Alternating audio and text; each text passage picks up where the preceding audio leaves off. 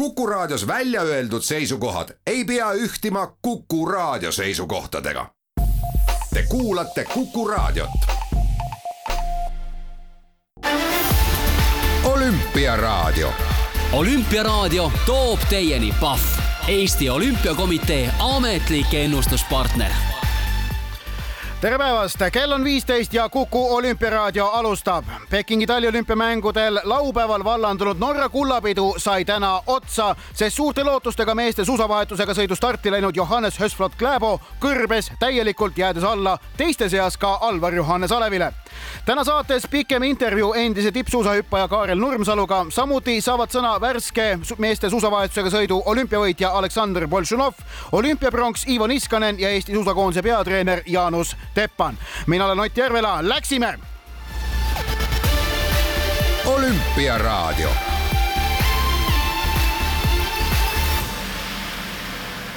Pekingi taliolümpiamängude murdmaasuusaprogrammi teise võistlusalana oli täna hommikul kavas meeste suusavahetusega sõit, viisteist kilomeetrit klassikas pluss viisteist kilomeetrit vabatehnikas.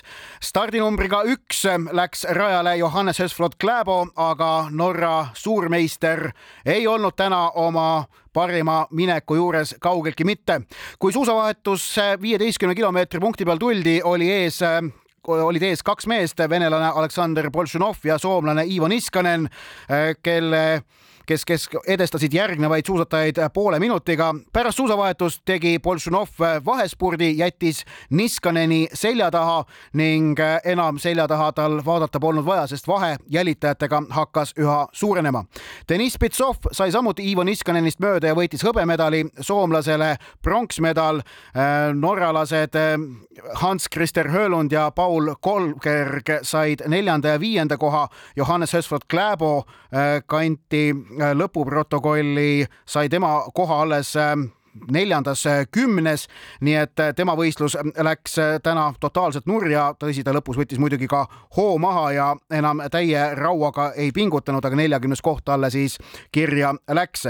nii et ootus, et eelmise aasta Oberstdorfi maailmameistrivõistlustel vägagi kirglikult suusasõprade meeli köitnud duell Boltšunovi ja Klæbo vahel jätkub täna, ei täitunud, vaid Boltšunov võttis Klæbo vastu seljavõidu finišisirgel Venemaa Olümpiakomitee lipuga, sellepärast et Venemaa koondiste olümpiamängudel teatavasti ei esine. nii et Venemaa Olümpiakomitee lipuga juubeldanud Aleksandr Boltšunovi intervjueeris finiši järel Timo Tarve. Сейчас я чувствую себя прекрасно, потому что стать олимпийским чемпионом это что-то невероятное. И я рад, что в Пекине в первой гонке я смог это сделать. План был один, но по ходу гонки нужно э, пришлось его поменять и гонка пошла немного в другом ключе, но я рад, то, что она так сложилась и победа говорит сама за себя. Не знаю, посмотрим, как сегодня день пройдет. tunne on võrratu, sest tulla olümpiavõitjaks on midagi uskumatut ja olen rahul, et suutsin seda teha oma esimese kulla eest võistlemiseks valmistusin väga põhjalikult. oli oma plaan, kuidas seda rada võiks sõita, kuid see taktika ei toiminud ja pidin vahepeal selle ümber mängima. vorm on selline, et eks võidu suurus räägib enda eest, kui hea see vorm tegelikult on meeste suusavahetusega sõidus avas medaliarve ka Soome, sest kui hõbe kuulus Deniss Pitsovile, siis pronksmedali võitis Ivo Niskanen. tegemist oli kindlasti õnnestumisega, sest Niskaneni põhidistantsiks Pekingis on planeeritud viisteist kilomeetrit klassikat eraldi stardist. Timo Tarve intervjueeris olümpiamängude pronksimeest Ivo Niskaneni. Oli jo hyvä alku kisoille, että kova vauhdinpito perinteisellä tuotti tulosta ja, ja siinä Bolsonaro pystyy auttamaan kyllä ja hän oli tänään äärettömän kova ja, ja tuota, uskomatonta oli se vauhti, jolla lähettiin tuohon sitten vapaa-osuudelle ja kaksi miestä suorastaan lensi noita ylämäkiä, että, että tuota, silleen maksimisijoitus ja suoritus tänään, että on tyytyväinen siihen. Mitä on nyt seuraavan suunnitus? On, nyt palaudutaan ja toivotaan, että pysytään terveenä ja, ja tuota, pääsee sitten yrittämään uudelleen tuossa perinteisen 15. Tuleeko kulta 15 kilometriä? Näyttää siltä, että venäläisten kunnon ajoitus on onnistunut aika hyvin, että tulee tiukka kisa ainakin ja, ja tuota, yritetään, yritetään saada se. hea algus minu olümpiamängudele, kõva tempo klassikalises tehnikas sõidetud võistluse esimesel poolel andis tulu. Boltšunov aitas samuti tempot teha kokkuvõttes oli ta täna väga kõva, tema kiirus vabatehnika osa alguses suisa uskumatu. ta justkui lendas mäest üles. minu jaoks oli pronksmedal täna maksimumtulemus ja olen sellega rahul nüüd tuleb taastuda ja tervena püsida, et siis viieteistkümne kilomeetri klassikadistantsil uuesti medalit püüda. paistab, et venelastel on õnnestunud tippvormi ajastamisega täkkesse panna, tuleb tasavägine võistlus, aga proovin olümpiakulla nimel võidelda. Ainsa Eesti suusatajana oli meeste suusavahetusega sõidu stardis Alvar Johannes Alev, kes saavutas kolmekümne kolmanda koha tegemist on kahekümne kaheksa aastase suusataja karjääri parima tiitlivõistluste tulemusega, mis pakkus rahulolu vaatamata sellele, et tänane lõppkoht võinuks ühe õnnetu episoodita olla paremgi. samuti julgustas tänane kolmekümne kolmas koht seadma edasiseks olümpiaks juba kõrgemaid sihte. Timo Tarve intervjuu Alvar Johannes Aleviga. Alvar Johannes Alev, väga südisõit, palju õnne, kolmekümne kolmas koht, kas oskasid loota? aitüma, et äh, noh et ei ole siiamaani elus suutnud ühtegi korralikku suusavahetust sõita, et ma arvan, selle pealt peab kindlasti rahule jääma, aga ütleme nii, et tegelikult oli täna sees rohkemat, et ainult siin alguses sai nagu raikselt minna, et ei üldse ei rabelenud midagi ja teise ringi alguses sain siin samas esimesel tõusul sain väga hea soone ja tõusin päris etteotsa, aga siis kohe üleval, kui sooned ära lõppesid, läks seal veits äh, natuke kohavõitluseks ja läks kepp puru, pidin seisma jääma ja ootama, et saaks uue ja ütlen ausalt, et sinna läks nagu väga hea sõit tegelikult, et äh, siis pidin hakkama vaikselt tagasi töötama, läks seal klassika peal juba raskeks. ja uisu peal siis sain, ütleme selle grupiga minema, et sihuke kontrollitult sõita ja ütleme, päris mõnus oli, et lõpus tulid siin krambid ka, et siis äh, päris seda viimast ei saanud välja anda, aga noh, ma olen selles suhtes rahul, et äh, nagu ma ütlesin, see on suusavahetus ja ja vähemalt ma nägin, et seisund on korralik, et, et, et siin pikk ja raske võistlus, siin viimane ring sai nii mõnigi suur suur nimi ära võetud vähemalt. tõepoolest, sõidestasid Johannes Asvet Kläbot siin lõpuski, aga sa oled enesekindlust täis, mis tähendab seda, et sa oled ikkagi eluvormis, see oli su parim tiitlivõistluste sõit üldse. ja ei no ma loodaks küll jah, et noh, eks see kepiga purunemine läheb natuke, jääb natuke kripeldama, aga aga see on ühistariga sõit ja siin ei olegi nagu midagi rohkem öelda ja noh, selles suhtes, kui ma sõidan ikkagi äh, ütleme rahvusvahelise tipptasemel oma karjääri parima koha, siis nagu nuriseda ei saa, et et see ei olnud minu number üks sõit, et see oligi sihuke seisundi kontroll ja tagasisidet sain siit küll omajagu.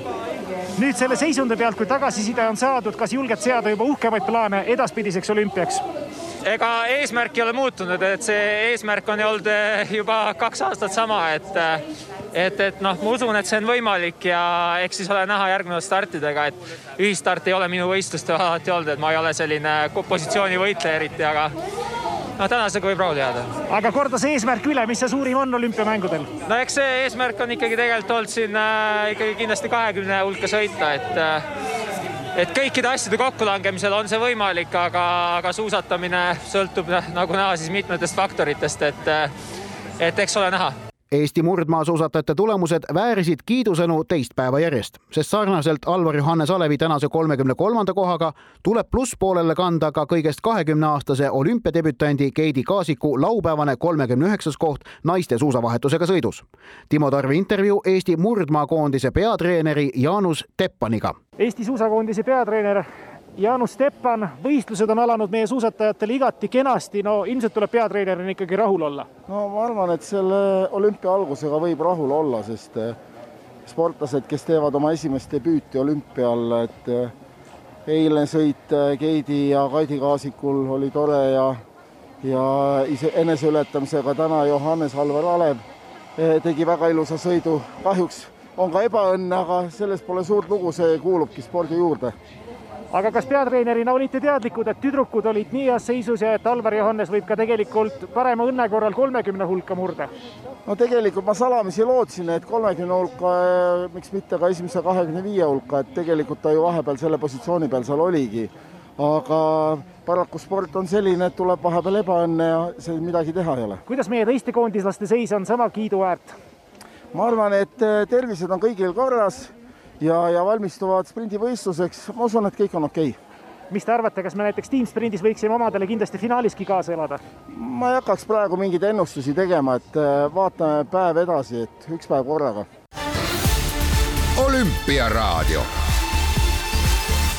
Pekingi taliolümpiamängudel antud positiivse koroonaproovi tõttu kurikuulsasse isolatsioonihotelli pagendusse saadetud Eesti kahevõistleja Kristjan Ilves andis täna hommikul Eesti ajakirjanikele virtuaalse pressikonverentsi.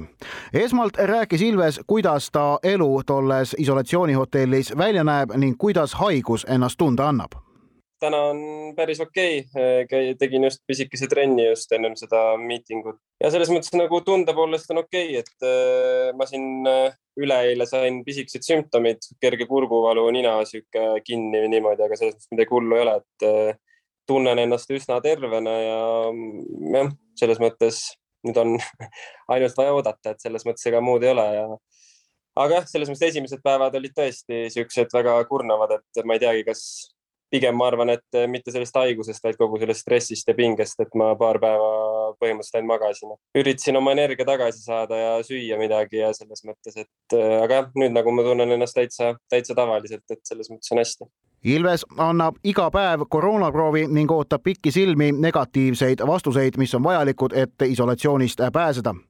Ilveselt küsiti, mis on tema lähipäevade ootused, millal ta loodab isolatsioonist välja saada ning millal treenima asuda, samuti ka seda, kas ta loodab veel olümpiamängudel starti jõuda või teeb juba plaane edasiseks hooajaks äh,? ma annan äh, üks kord päevas, iga päev olen andnud siin ja selles mõttes on proovid ikkagi positiivsed, et äh, selles mõttes ootan seda ne ne nii-öelda negatiivsust, aga, aga ilmselt noh, ma arvan, et seda võib alles esimesed, kuidas ma ütlen siis, et võib-olla seal, kui ma nakatusin teisipäeval, sain esimese proovi positiivse, siis ma arvan, et enne järgmist teisipäeva, kolmapäeva nagunii seda oodata ei ole, nii et, et ma arvan, et siis, siis võib hakata alles mõtlema ja rääkima sellest, et kas on võimalus negatiivset, et see nii kaua tuleb lihtsalt öö, oodata ja oodata ja praegu see ongi ainuke asi, mis ma teha saan siin ja selles mõttes ka liigutada, et hoida ennast vormis. kõige hullem ongi see, et mul on nagu teadmatus, et kui oleks öeldud kümme päeva, siis ma tean, et ma näiteks oleks saanud kümme, üksteist välja ja siis ma tean, mis mu edasised plaanid on.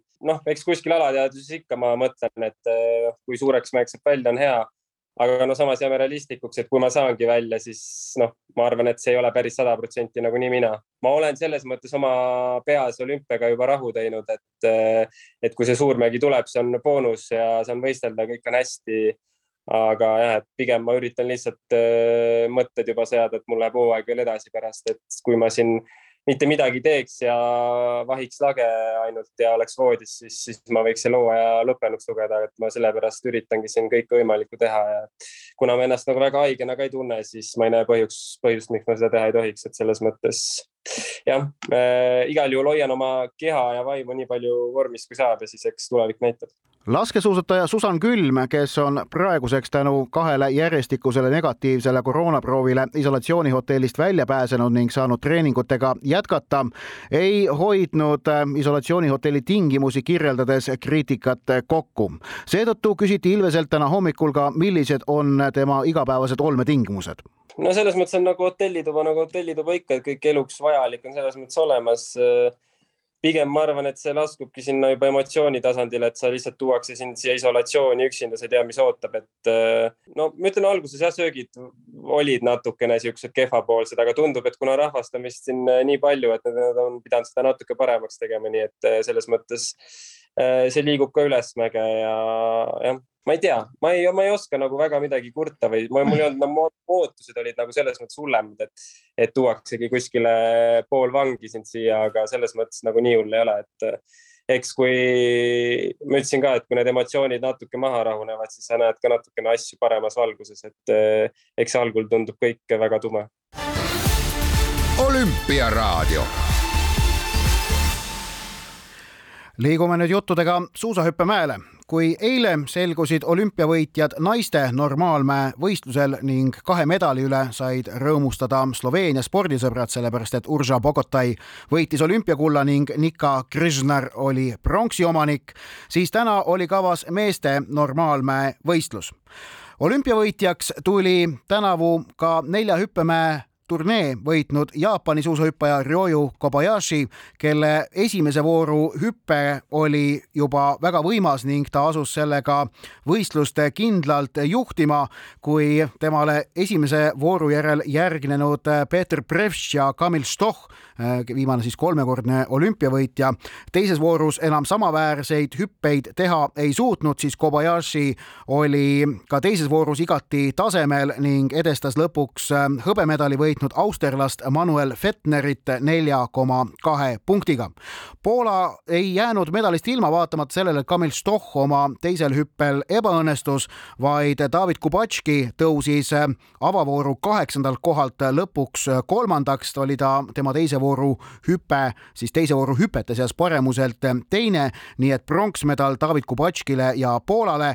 Peeter Prevš, kes oli avavooru järel teine, pidi leppima neljanda kohaga, kaotas ta Kubatškile kõigest null koma viie punktiga ehk et äh, oleks piisanud siis äh, poolest stiilipunktist kuskilt juurde näpistada ja oleks ka tema pronksmedali endale kaela saanud, aga läks niimoodi, et kuld Kobayashile, hõbe Fettnerile ning pronks Kubatškile. Eesti suusahüppajatest olid stardis Arti Aigro ja Kevin Maltsev, kumbki kahjuks teise vooru ei pääsenud. Kevin Maltsevile tänaselt võistluselt neljakümnes koht ning Arti Aigro oli kolmekümne kolmas. kuulame Arti Aigro intervjuud pärast võistlushüpet.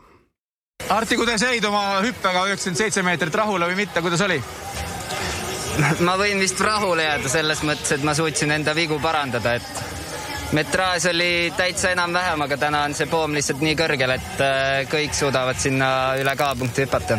nii et võrreldes äh, eelmiste päevadega, siis ajastusega oli juba enam-vähem klapp, jah?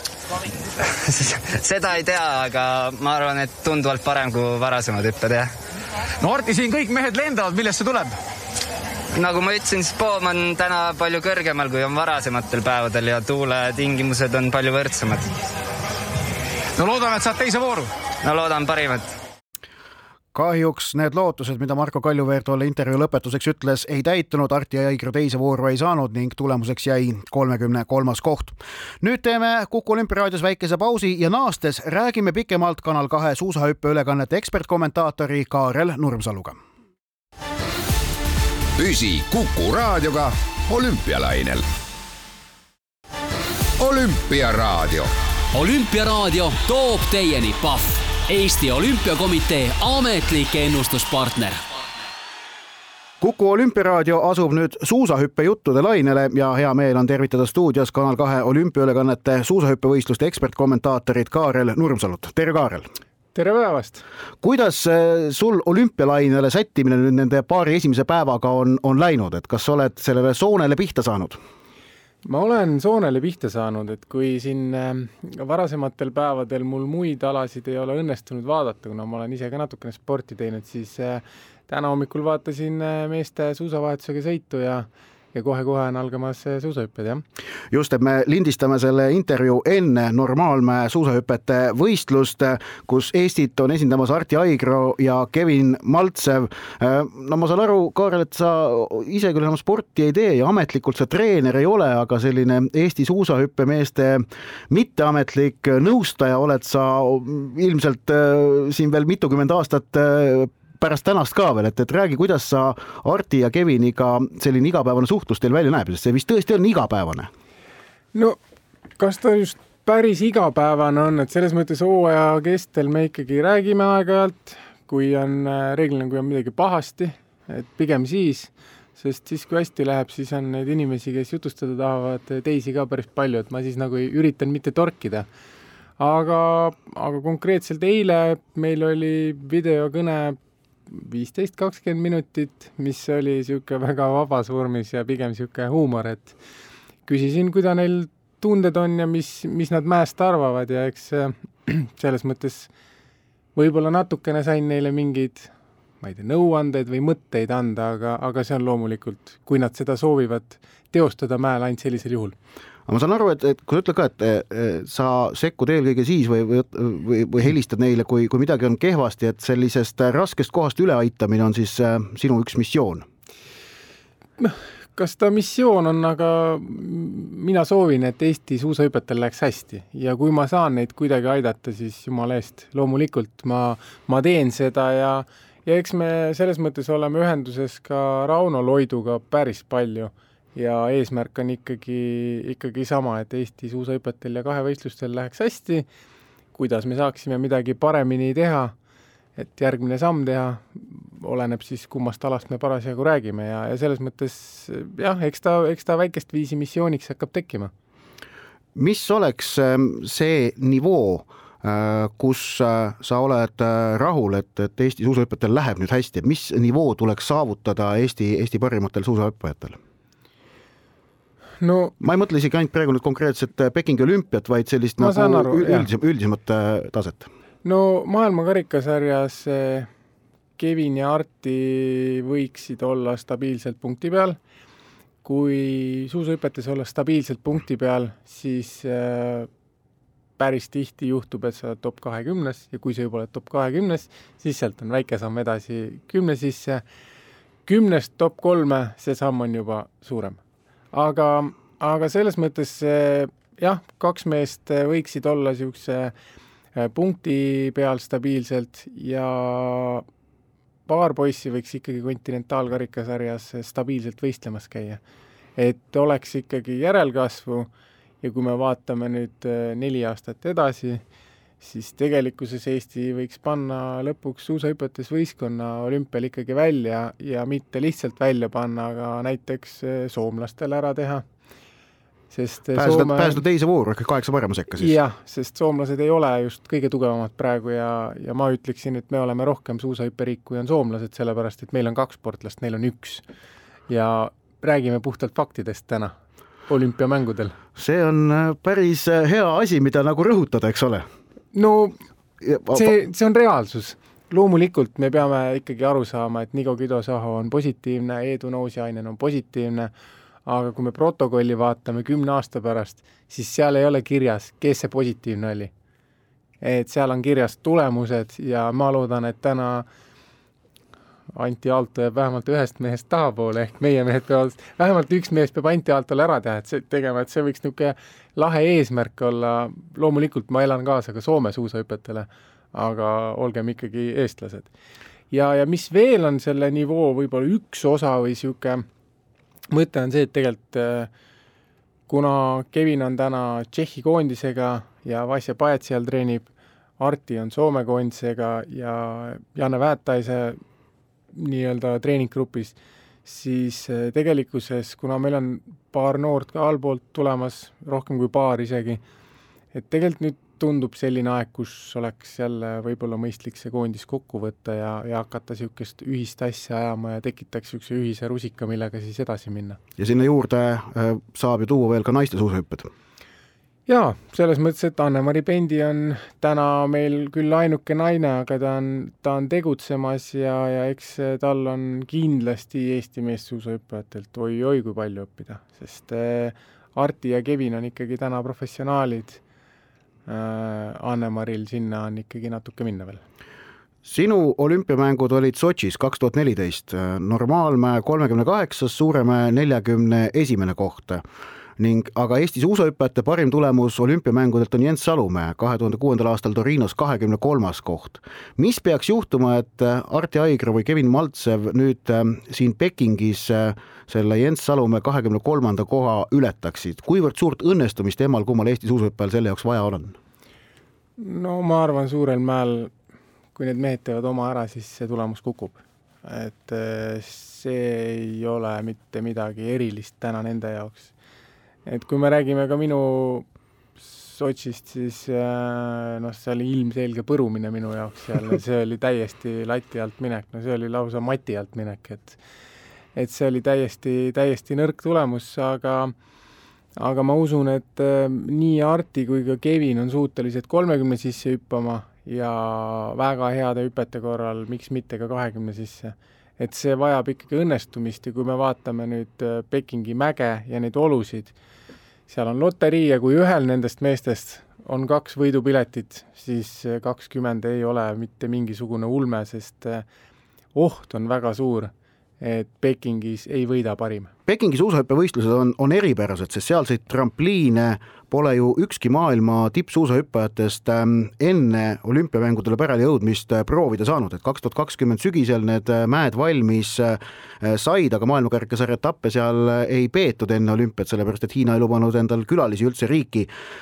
mida nüüd suusahüppaja teeb, kui ta läheb hüppemäele, mida ta varem pole näinud, pole tundnud, mis on tema jaoks täiesti uus, ehk et mida tegid kõik maailma parimad suusahüppajad, kui nad Pekingisse kohale jõudsid ja seda mägi, mäge esimest korda nägid? Hüppasid alla sealt aga no kas, kas sa ennem kuidagi seda noh, niimoodi ma ei tea, jalutad läbi, vaatad, mõtled, mis sorti ta on või lihtsalt äh, suusad alla ja tornist alla?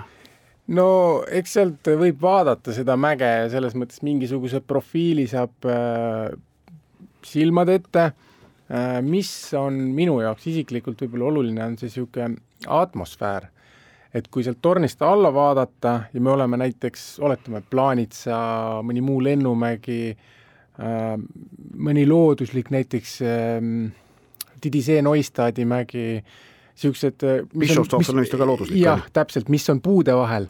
seal on nagu, need puud on sul kuidagi selliseks nagu atmosfääriks või mis sinu võistlust nii-öelda siis natukene mitte ei häiri, aga mõjutavad aga kui sa lähed nagu mägedele nagu Holmenkollen äh,, Pyeongchang äh,, seesama nüüd Peking. Sotši on..., Sotši vist oli ka ju täitsa, seisid eraldi seal üpriski? ei, Sotšis oli mingit nagu maastikku oli... natuke oli okay., aga nendel kolmel mäel on ju, sa oled ju täitsa niisuguses nagu kapsli sees.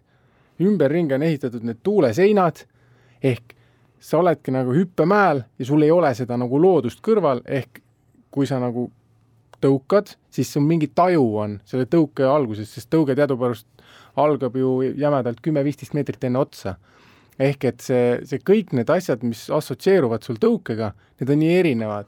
ja noh, võib-olla ongi, et näiteks kui mina läksin PyeongChangi äh, eelolümpiale, siis äh, ma läksin äh, kohale, me saime suurelt mäelt küll hüpata, Väiksemäele me ei jõudnud, sest seal oli ülge jama suuskade ja asjadega ei tulnud kohale ja ma ei saanud treeningule minna aga kuna tuul oli nii kõva, siis suurema võistlus muudeti väiksema võistluse peale.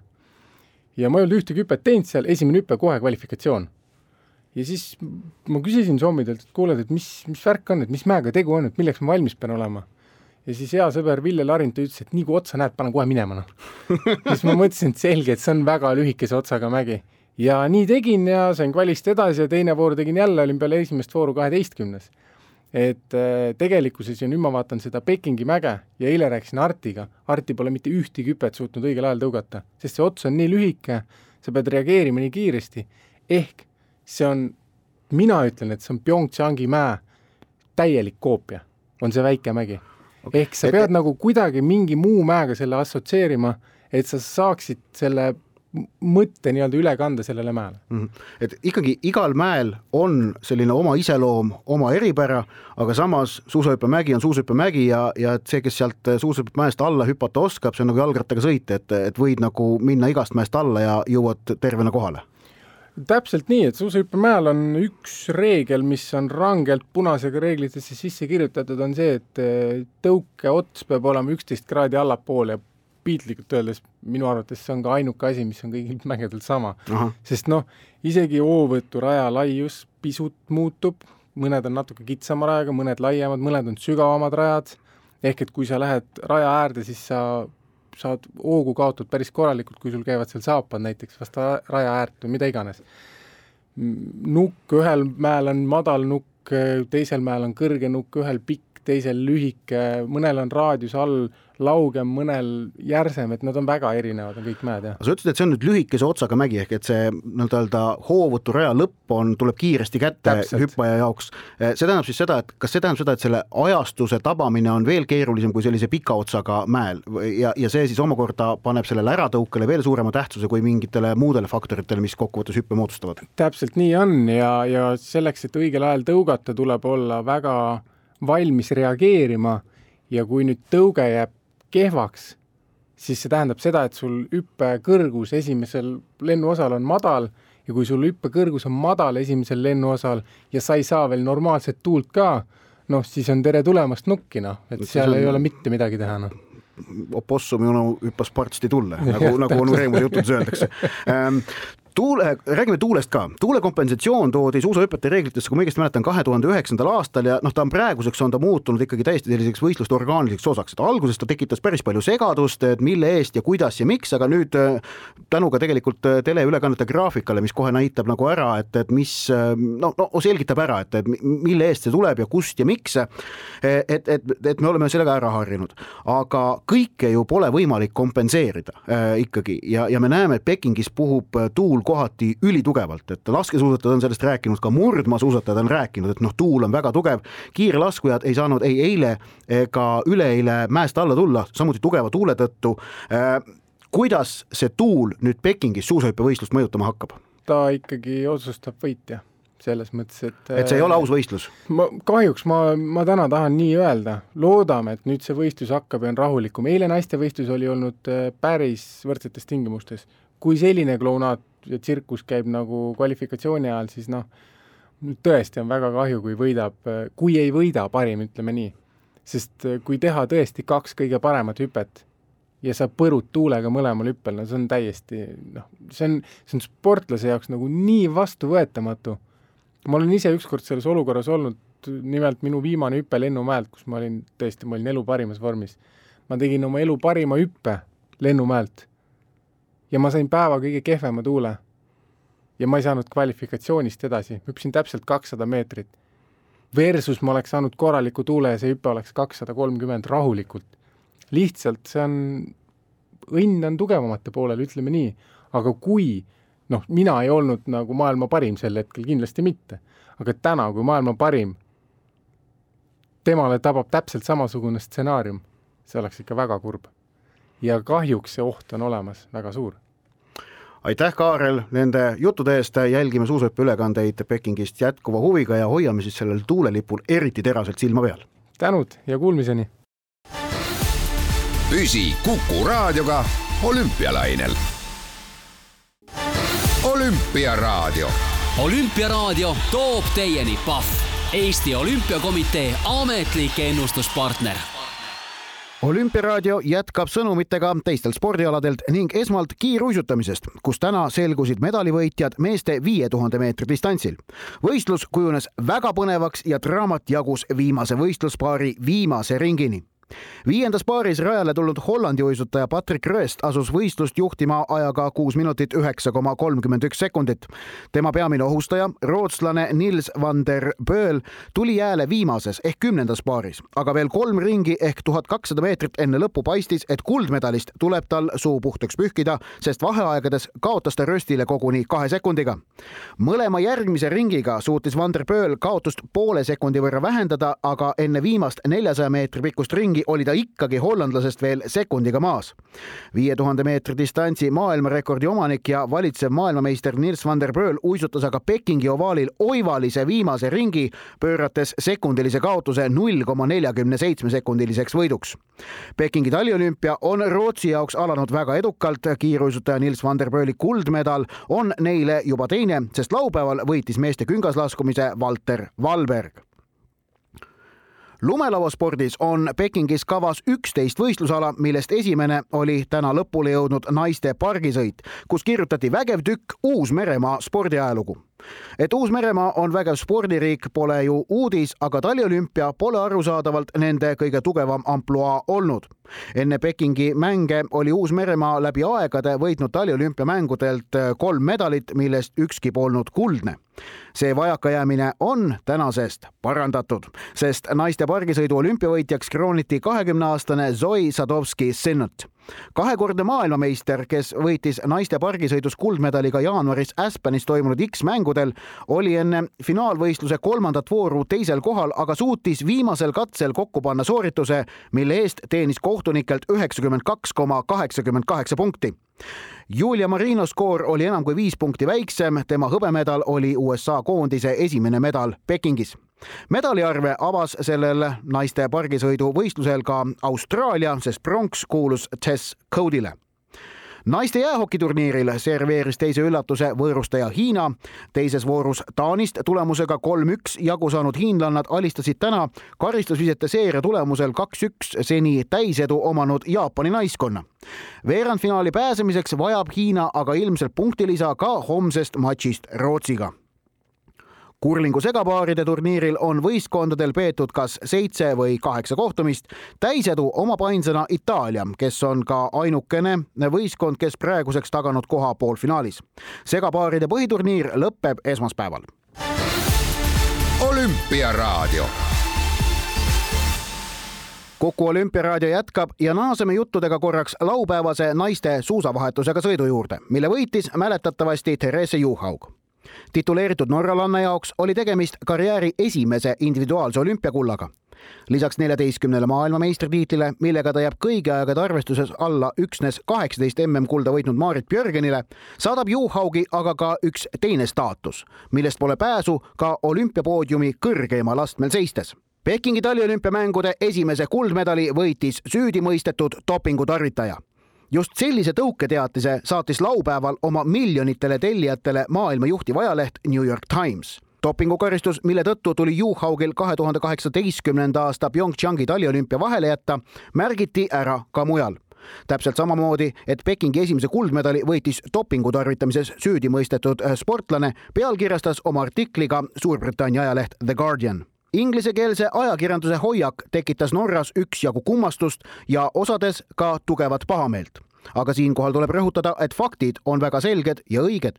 Juhaug on dopingu rikkumises süüdi mõistetud ja selle eest võistluskeeldu kandnud kas ja kui palju tuleb seda tema praeguste tulemuste puhul rõhutada, on juba igaühe isikliku hoiaku küsimus. küll aga on see kindel signaal, et dopingukaristus ei ole asi, mida unustataks, vaid see jääb sportlast saatma karjääri lõpuni ja ka pärast seda nii palju Therese Juhaugist, kes on kahtlemata suursoosikuks ka kõigil järgmistel suusadistantsidel, kus ta Pekingis starti tuleb. kui norralased loodavad Juhaugilt kuldmedaleid, siis eh, mitte küll nii kõrgete sihtide, aga ikkagi hea tundega on järgmiste naiste suusavõistluste suunas võimalik vaadata ka Eesti perspektiivist, sest kahekümne aastase olümpiadebütandi Keidi Kaasiku kolmekümne üheksas koht olümpiamängude avadistantsil kuulus kahtlemata õnnestumiste sekka et eilsesse olümpiaraadiosse Keidi Kaasiku muljed pärast elu parimat võistlust ei jõudnud, kuulame Timo Tarve intervjuud kahekümne aastase suusatajaga nüüd.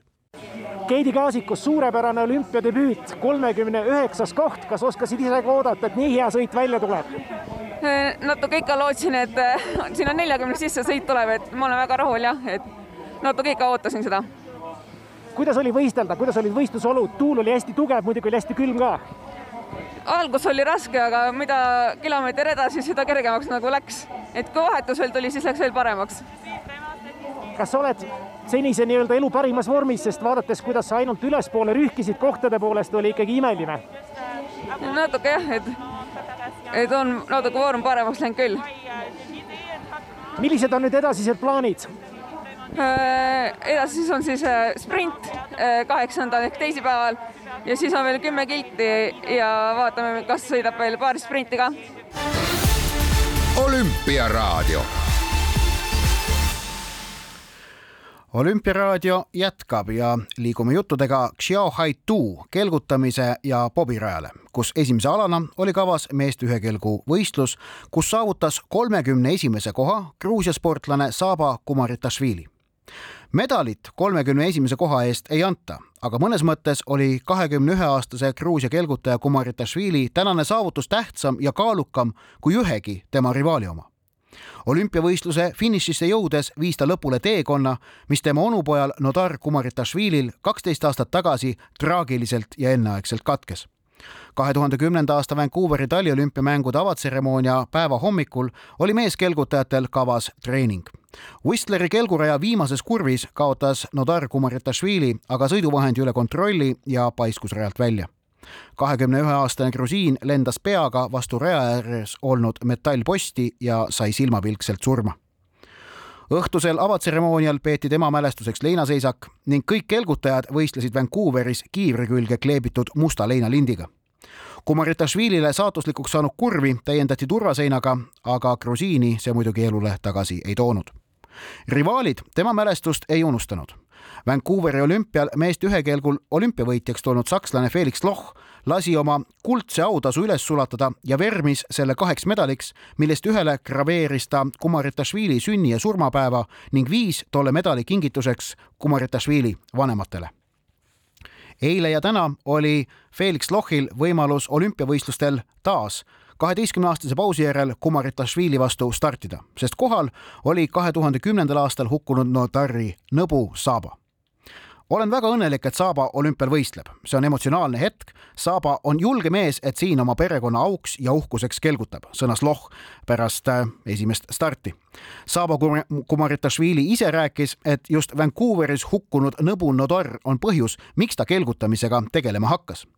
minu vanemad vastu ei olnud, nad isegi tahtsid seda rohkem kui mina ning kolmekümne esimese koha üle ei tundnud noor kelgutaja põrmugi kahetsust, vaid ainult rõõmu täitsin oma ülesande, olin närvis, aga praegu enda üle väga uhke, sõnas Kumaritašvili vot selline olümpialugu ka siia saate äh, viimasesse ossa, äh, mis tõepoolest näitab seda, et äh, ei ole kõik kinni ainult selles, kes võidab kuldmedali, vaid võib tähtsaid ja kaalukaid olümpiamälestusi koguda ka selle pingerivi tagumisest otsast ja sageli võivad need mälestused olla veel väga palju tähtsamadki. muuseas, meeste ühekelguvõistluse medaliheitlus just praegu nendel hetkedel käib, kui viimasest laskumisest on kolmel mehel veel sõitmata, siis seesama Felix Loh on hetkel võistlust juhtimas ehk et kui ta suudab kedagi eel, kui keegi kolmest, kes veel sõitmas on, sõitmata on, noh, natukene ebaõnnestuvad, siis on Felix Lohil ka siit olümpiamedalit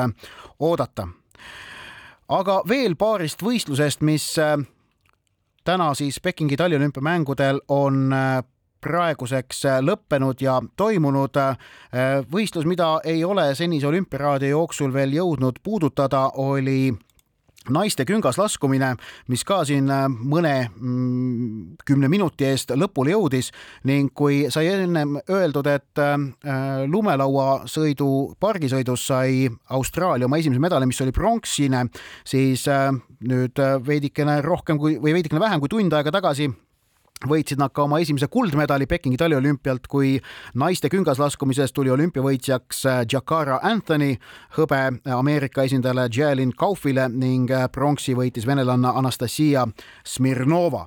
nii et äh, need olid siis naiste küngaslaskumise tulemused.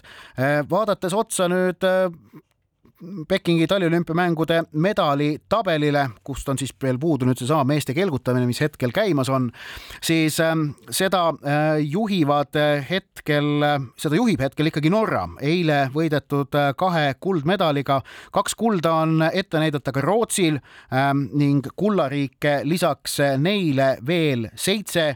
Nendeks, vabandust, kullariike on kuus, nendeks on siis Holland, Austraalia, Jaapan, Sloveenia, Hiina ja Uus-Meremaa, lisaks on ühe kulla võitnud ka Venemaa olümpiakomitee olümpiakomitee esindus.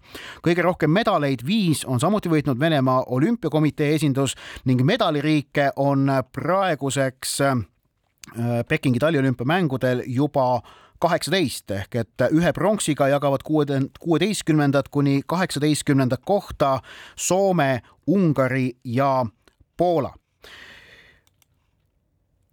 Pekingi taliolümpiamängude teine võistluspäev lõpeb seega mõne minuti pärast, kui meeste ühekelguvõistlus oma lõpplahenduse saab. vaatame olümpiaraadio lõpetuseks ette veel ka siis sellele, mis on ootamas Pekingis meid homme ning Eesti spordisõprade jaoks on äh, esmaspäev, seitsmes veebruar päev, mida on oodatud äh, noh, ütleme ausalt pikki,, pikki-pikki aastaid. see päev oleks pidanud kohale jõudma juba kahe tuhande kaheksateistkümnenda aasta PyeongChangi taliolümpiamängudel, aga need jäid kahjuks Kelly Sildarul teda eelneval sügisel tabanud põlvevigastuse tõttu vahele. aga homme Eesti aja järgi kell kolm kolmkümmend hommikul algab freestyle suusatamise naiste big air hüpete kvalifikatsioonivõistlus, kus siis Kelly Sildaru stardis on. kanal kahe otseülekanne algab kell kolm kakskümmend viis ning võistlust korratakse äh, Duo viis kanalil Eesti aja järgi kell seitse kolmkümmend viis. Äh, kõik olümpiamängude otseülekanded on vaadatavad ja ka järelvaadatavad otse loomulikult ka Postimehe veebiküljel. lisaks äh, homme otseülekanded mäesuusavõistlustelt kus on kavas naiste suurslaalom, kus siis teeb oma olümpiadebüüdi Eestit esindav Kaitlin Westerstein. samuti iluuisutamises selguvad võistkonnavõistluse mm, medalivõitjad, seal pärast tänast kahte segmenti asus võistlust juhtima Venemaa Olümpiakomitee esindus, kes esinda-, edestab siis Ameerika Ühendriike.